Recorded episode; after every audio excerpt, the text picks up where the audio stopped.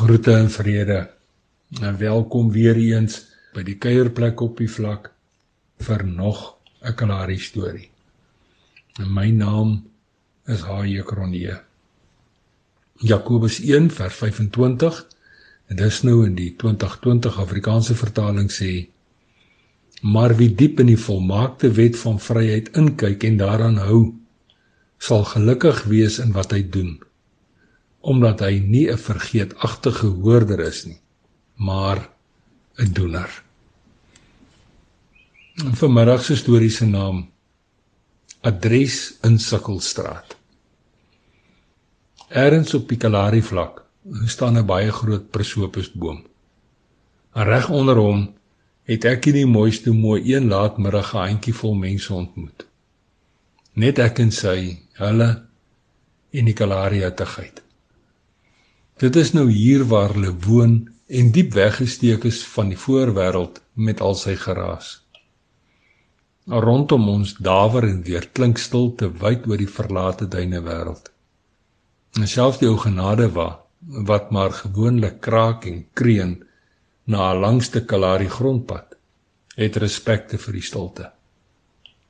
Na die gebruikelike gekoggel en spitsvondige uitvra na almal en alles se wel en wee omvou die stilte ons weer. En dit is tyd. Tyd om te vertel en tyd om te verduidelik oor die God se kerelkind en die woorde uit sy mond. Maar vandag vandag wil ek dit anders doen. Ag, help my tog, begin ek. En waaroor praat julle deesdae met die kerelkind van God? Verwarring en skok spoed saam saam soos die lig en klank van harde raasligte deur hierdie groepie mense. Normaalweg is stilte 'n genadeloose en 'n gewetenlose aanklaer. Maar vandag is stilte eerder 'n veilige en gemaklike wegkruipplek. Die atmosfeer onder die ou groot besopusboom is op slag botterdik en elkeen se oë soek spore op die grond. Spore wat daar nie is nie. Nee wat pastoor sê klein Gert later aan so bangerig saggies. En dit is maar 'n sukkelsaak.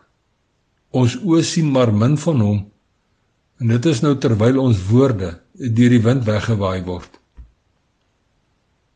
My hart ruk met die aanhoor van klein Gert se woorde. Op slag dink ek aan die Israelitiese volk van ouds wat ook tog so maklik in Sikkelstraat adres kon maak veral as my gedagtes oorstaan by Eksodus 32 se storie oor die goue kalf. Ons sien dit is waar hierdie woestynwandelaars sonder sukkel hulle fokus van God af weggeneem het. Dis nou dieselfde God wat in al sy wysheid gekies het om 'n baie spesiale verbondsverhouding met hulle te hê. 'n Verhouding waar hy hulle God is en hulle hulle sal sy volk wees. Dink net. Krenende kostafels is nie onbekend vir hierdie uitverkose groep mense nie. Alhoewel hulle onraglike en vernederende en selfs moeilike werksomstandighede in Egipte gewoon en gewerk het, ken hulle krenende kostafels, maar dis nie al nie. Hulle oorleef 'n tiental pla en dan vlug hulle dus nou in opdrag van die Here met al Egipte se goud en silwer na 'n beloofde land. Terselfdertyd word hulle deur 'n wrede weermag gejaag net sodat hulle op droë grond deur die Rooi See kan stap. En dis nou terwyl 'n helder lig daardie selfde nag net oor hulle skyn. By die Rooi See se oorkant aangekom, aanskou hulle sekerlik die tweede grootste verdrinking in alle mense se geskiedenis asof dit nie genoeg is nie word hierdie selfde klomp Israeliete met vars water uit 'n rots verkoop nadat 'n verskriklike dors hulle oorval het. En om alles te kroon word daar elke dag 'n vars brood en vleis voor hulle tente afgelewer. Kan jy nou meer? Hierdie Israeliete vergeet gerieflikheidshalwe wat die Here vir hulle gedoen het Daarom verklaar hulle onomwonde dat dit die goue kalf is wat Israel uit Egipte land laat optrek het. Terselfdertyd vergeet hierdie woestynwandelaars dat hulle 'n paar dae van tevore dis nou as jy Eksodus 24 lees, eensstemmig verklaar het om alles te doen wat die Here gesê het. Hulle oë en hulle woorde is nie meer net op hulle verbondsgod gerig nie. Nee wat? 'n Adres in Sikkelstraat is nou hulle voorland. En so was dit dan ook.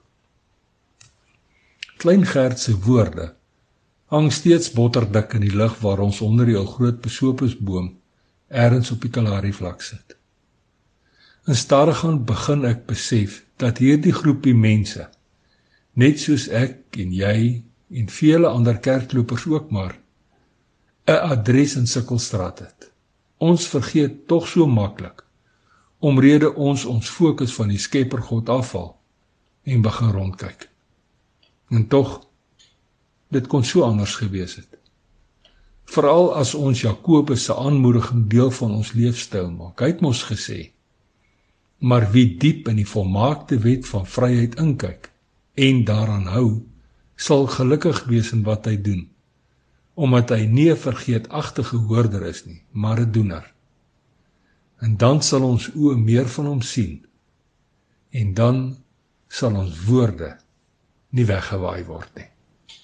En nou ja toe. Tot 'n volgende keer.